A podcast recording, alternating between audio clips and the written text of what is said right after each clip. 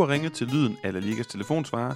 Jonas Knudsen og undertegnet Paolo Augusto Tichon er på lidt tiltrængt ferie og har derfor besluttet at sende lidt gammelt materiale ud i æderen.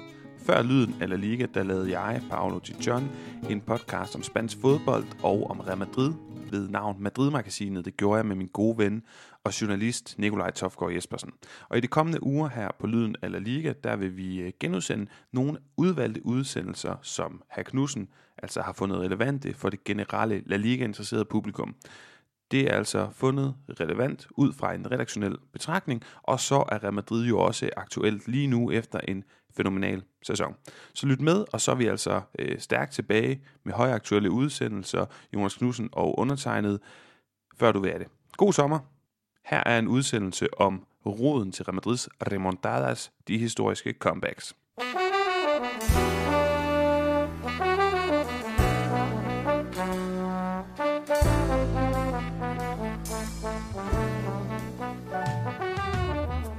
Buenos dias og velkommen til Madrid-magasinet Arkivet.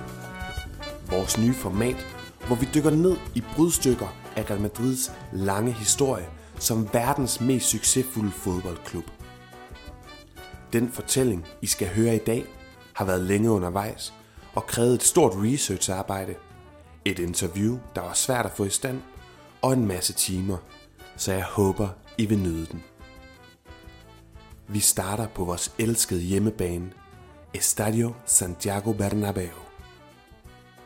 Hvis du har været til en Real Madrid-kamp i løbet af de seneste 25 år, har du helt sikkert hørt det her.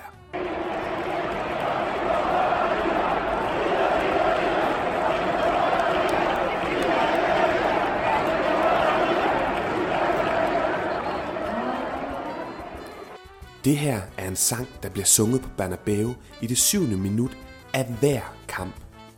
Og det er her, denne fortælling begynder, for jeg er på jagt efter noget. Et fænomen, som udgør en stor del af Real Madrids historie. Selvom du måske ikke kender til fænomenet.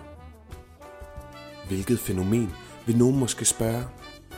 Et fænomen, der har fået næring af utallige comebacks. Comebacks ført an af legendariske spillere på store aftener på Banabeo. Aftener, hvor man aldrig gav op. Hvor man altid prøvede, til dommeren havde fløjtet for sidste gang. De aftener, hvor det hele virkede umuligt, men aftener, hvor fartruende nederlag blev vendt til storslåede sejre. Til at hjælpe mig med at fortælle denne historie, og til at forklare dette fænomen, har jeg interviewet denne mand i Sydspanien. Con esa, ese llamamiento a la afición, con la foto de mi padre que se podía remontar, eh, eh, un 6-1 que cualquier otro equipo no hubiera metido ni 3.000 personas en, en el estadio del Madrid. Ham vender vi tilbage til. Den her podcast er ikke et spillerportræt, men snarere handler den om, hvordan en mand stod i midten af en helt speciel periode i Real Madrids lange historie. En mand, der var personificering af det her fænomen. Den her podcast handler om Juan Gómez González. Man kender ham som Juanito. de regata y filigrana se la pone a Santillana. Y ya, y ya, y ya, Juanito Maravilla. Sale el hombre de negro y él le recibe de rodillas. Y ya, y ya, y ya, Juanito Maravilla. Cada minuto siete en Chamartín vive Juan Gómez, Juanito. A la Madrid. Måske genkender du navnet, måske ikke. Måske kender du historien, men hvis ikke du gør, så introducerer jeg ham lige helt kort. Juanito var en spansk offensiv kantspiller, der spillede 401 officielle kampe for Real Madrid i perioden fra 1977 til 1987. Han er kendt for at have vundet fem ligatitler med klubben. Han blev endda topscorer i sæsonen 1983-1984 i hele den spanske liga. Juanito er blevet en legende i klubben, især efter at han gik bort i en trafikulykke den 2. april 1992. Historien om Juanito er meget mere end en historie om flotte statistikker og vigtige trofæer i Real Madrid. De seneste 25 år, der har Real Madrids mest passionerede fans hyldet og foreviget Juanito på Bernabeu med den sang, vi netop har hørt. I det syvende minut af hver eneste kamp i 25 år. Hverken Di Stefano, Laudrup, Raul, Ronaldo Nazario, Zidane, Roberto Carlos, Casillas, Cristiano Ronaldo eller Sergio Ramos vil nogensinde opnå det. Det er meget fascinerende, og det er det, jeg vil undersøge og forsøge at forstå i denne podcast. Un, dos, tres. A la Madrid! I dette efterår har jeg været i journalistpraktik i Fuengirola, en mindre by uden for Malaga. Jeg fandt hurtigt ud af, at denne by holder en særlig plads i Real Madrids historie. Jeg opsøgte helt naturligt den lokale Real Madrid fanklub for at se holdets kampe sammen med en masse spanske madridistas. Men denne fanklub i Fuengirola er noget helt specielt. Overalt hænger plakater, billeder, trøjer og halsterklæder med underskrifter fra alverdens Real Madrid-legender. Cristiano Ronaldo, Raul, Casillas, Beckham, Zidane og så videre. Det er alt sammen meget imponerende, men jeg blev hurtigt konfronteret med Juanitos plads i det her hierarki. Han har sit eget hjørne i fanklubben. Et sted, hvor hans egen dele er udstillet. Her står El Rincón de Juanito, Juanitos hjørne, på et skilt. Jeg spørger bartenderen, hvor ejendelen er fra, og han svarer, at Juanitos søn, Roberto, ofte kommer i fanklubben. Det viser sig, at han bor i byen.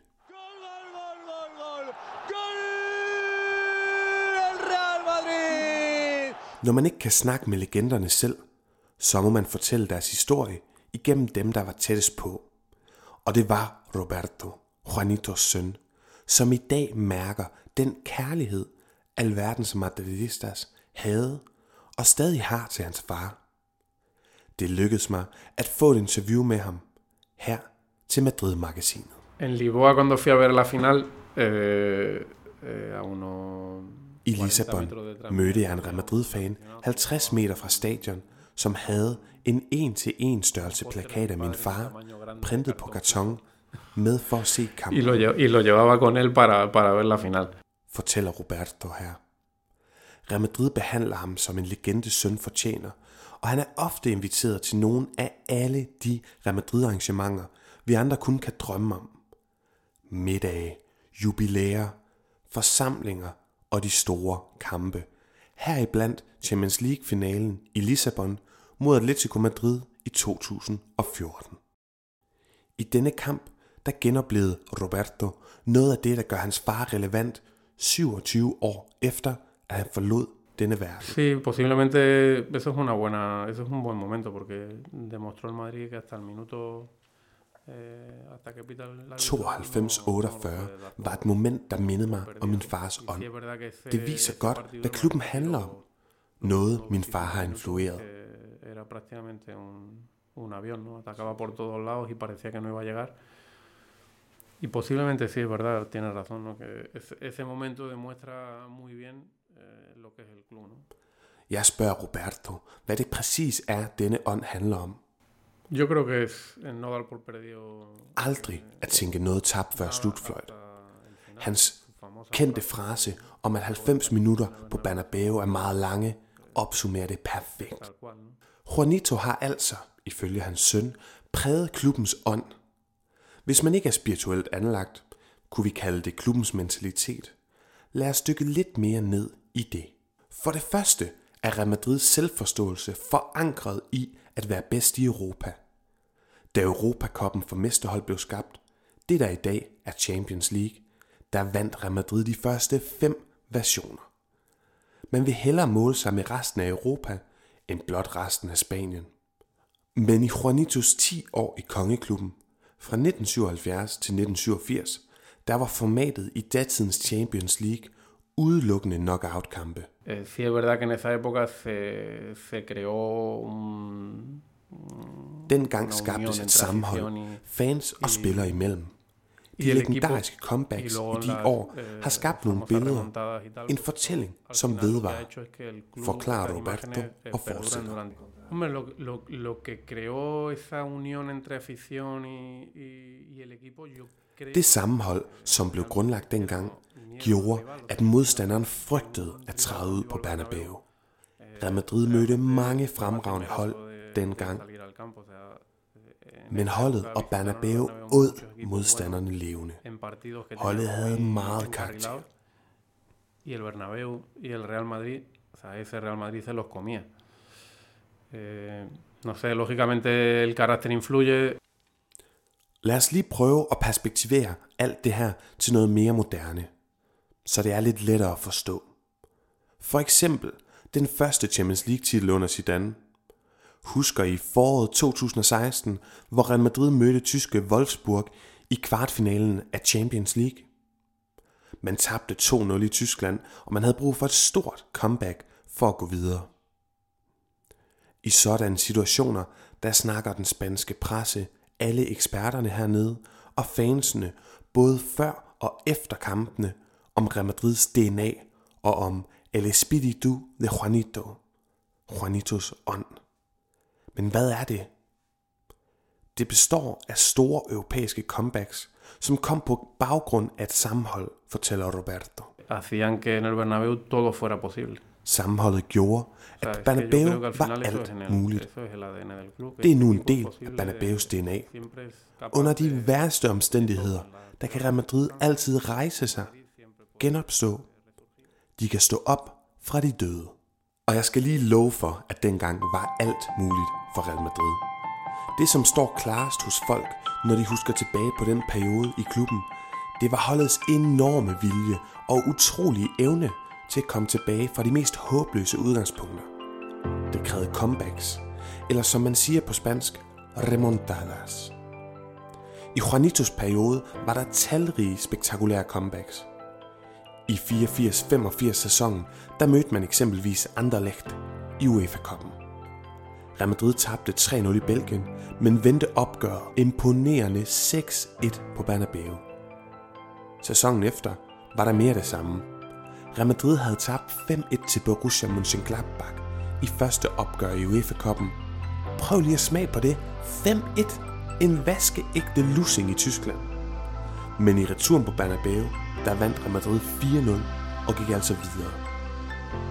Det sidste eksempel, jeg vil hive frem, er i samme turnering og er blevet for evigt i Real Madrids historie. Den 2. april 1986 blev der nemlig sat ord på Real Madrids evne til at vende umulige resultater.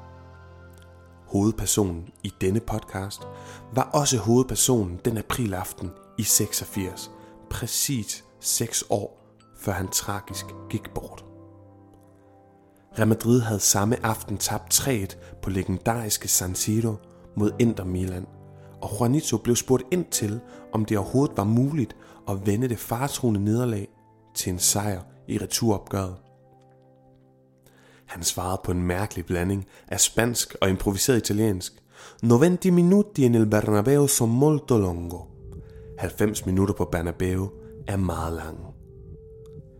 I returen vendte Real Madrid opgøret med 5-1, og Inter Milan var ude af turneringen. Citatet har dannet ringe i det europæiske farvand, som i dag kaldes Champions League, hvor ingen modstandere ønsker at møde Real Madrid. For 90 minutter på Bernabeu er meget lange. 90 minutter på Bernabeu kan føles som det rene helvede. Roberto opsummerer det hele således. Eh, si el Madrid se ha caracterizado por algo es porque es un equipo que, al que nunca se le puede dar por, por vencido y es una de las digamos de las etiquetas más eh, grandes que tiene este club, ¿no? Que Hvis Real Madrid karakteriseres på en måde, er det, at holdet aldrig bør gives for tabt. Det er en af de kendetegn, som denne klub har. Når andre hold giver op i visse situationer, kan man aldrig stole på, at det er tilfældet hos Real Madrid. Klubbens værdier om dedikation, ikke at give slip. I denne klub, der tilgiver man ikke ugidelighed. Ugidelige spillere er dem, der er blevet piftet mest i Real Madrids historie. Nu er vi blevet klogere på Real Madrids ånd, DNA, mentalitet, kald det hvad du vil. Juanitos historie, den er oplagt til at forklare Real Madrids historie i den her periode. Men hvorfor? For at finde ud af det, så skal vi tilbage til fascinationen ved, at Juanito stadig synges og hyldes til hver kamp på Bernabeu. Vi skal prøve at forstå hvorfor. Roberto forklarer det således. Mira, a mí Butragueño me dijo una vez una frase que es que mi padre era la mitad del escudo. Cuando el aficionado se identifica con alguien que ve que hace los gestos que le haría, eh, que actúa como él haría, pues al final es muy, muy fácil o muy que al final eso le llegue más a la gente, ¿no? Mi padre lo- no es que lo consiguiese, es que era así y eso eh, le quedó al aficionado. Butragueño fortalte mig engang, at min far udgjorde halvdelen af klubbens logo. eh, Når fans identificerer sig er med en spiller og kan se sig selv i spillerens adfærd, så er det oplagt, at det rammer fansene mere. Han var en Real Madrid-fan, som tog fodboldstøvler på og brystede sig af det, også da han ikke var i klubben længere. Det bliver hos folk. Listen af fremragende fodboldspillere, som har været i klubben, er enormt lang, men jeg tror muligvis ikke, at nogle har stået fansene så nært som min far. Raúl, Michel, todos. O sea, ha habido un montón de futbolistas que han hecho muchísimo por el club. eh, muchísimos de ellos que ya eh, desgraciadamente no están. Pero yo creo que al final eh, posiblemente ninguno ha llegado a donde ha llegado él, del corazón de la gente. ¿no? Y yo creo que es eso, ¿no? que, que era, un, era un aficionado que se ponía las botas y él era un, un tío que era del Madrid, que no lo escondía, que lo publicaba, que, que lo, que lo siguió publicando cuando ya no estaba en el Madrid. ¿no? Final- Datidens Real Madrid-fans elskede ham som deres eget familiemedlem, og sender den dag i dag stadigvis massevis af billeder til Roberto. Billeder af deres tatoveringer af hans far.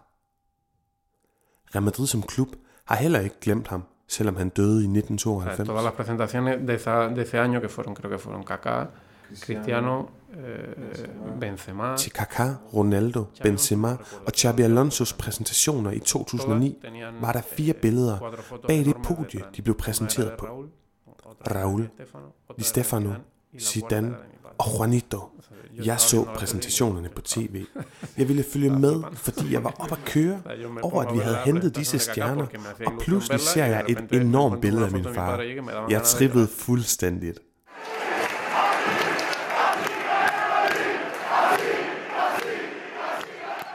Juanitos betydning i Real Madrids historie er altså til at tage og føle på. Jeg spurgte i mit interview med Roberto om, hvornår han har oplevet nogle af de værdier de senere år. Nogle af de værdier, som hans far prægede Real Madrid med. Han husker specielt en kamp, hvor Iker Casillas fortalte pressen og fansene, at holdet havde brug for Juanitos ånd.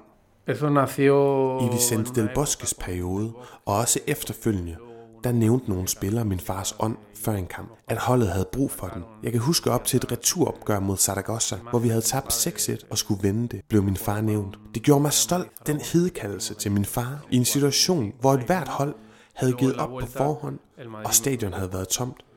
Der var vi millimeter fra at vende det, og stadion var fyldt. orgulloso porque simplemente con at man brugte min fars ånd op til kampen for at forsøge at vende opgøret, at fylde stadion, og at holdet og klubben sammen med fansene brugte min far, det gjorde mig stolt. Det står forhåbentlig nu klart, at Juanito var og er en Real Madrid-legende. Men har nogen spiller i klubbens nyere historie en karakter, som minder om Juanito? Roberto kommer med sit bud. No, mira, por ejemplo, a Cristiano se le, se, se le Cristiano Ronaldo er altid blevet kritiseret for sin egoisme, men Ronaldos vindergen mindede mig om min far. Det er uundværligt at have i en trup. En spiller, som aldrig stiller sig tilfreds. Eso es importante, eso, eso, eso es imprescindible, ¿no? Eh, tenerlo en una plantilla, un tío que, o sea, que no se conforme nunca con nada, ¿no?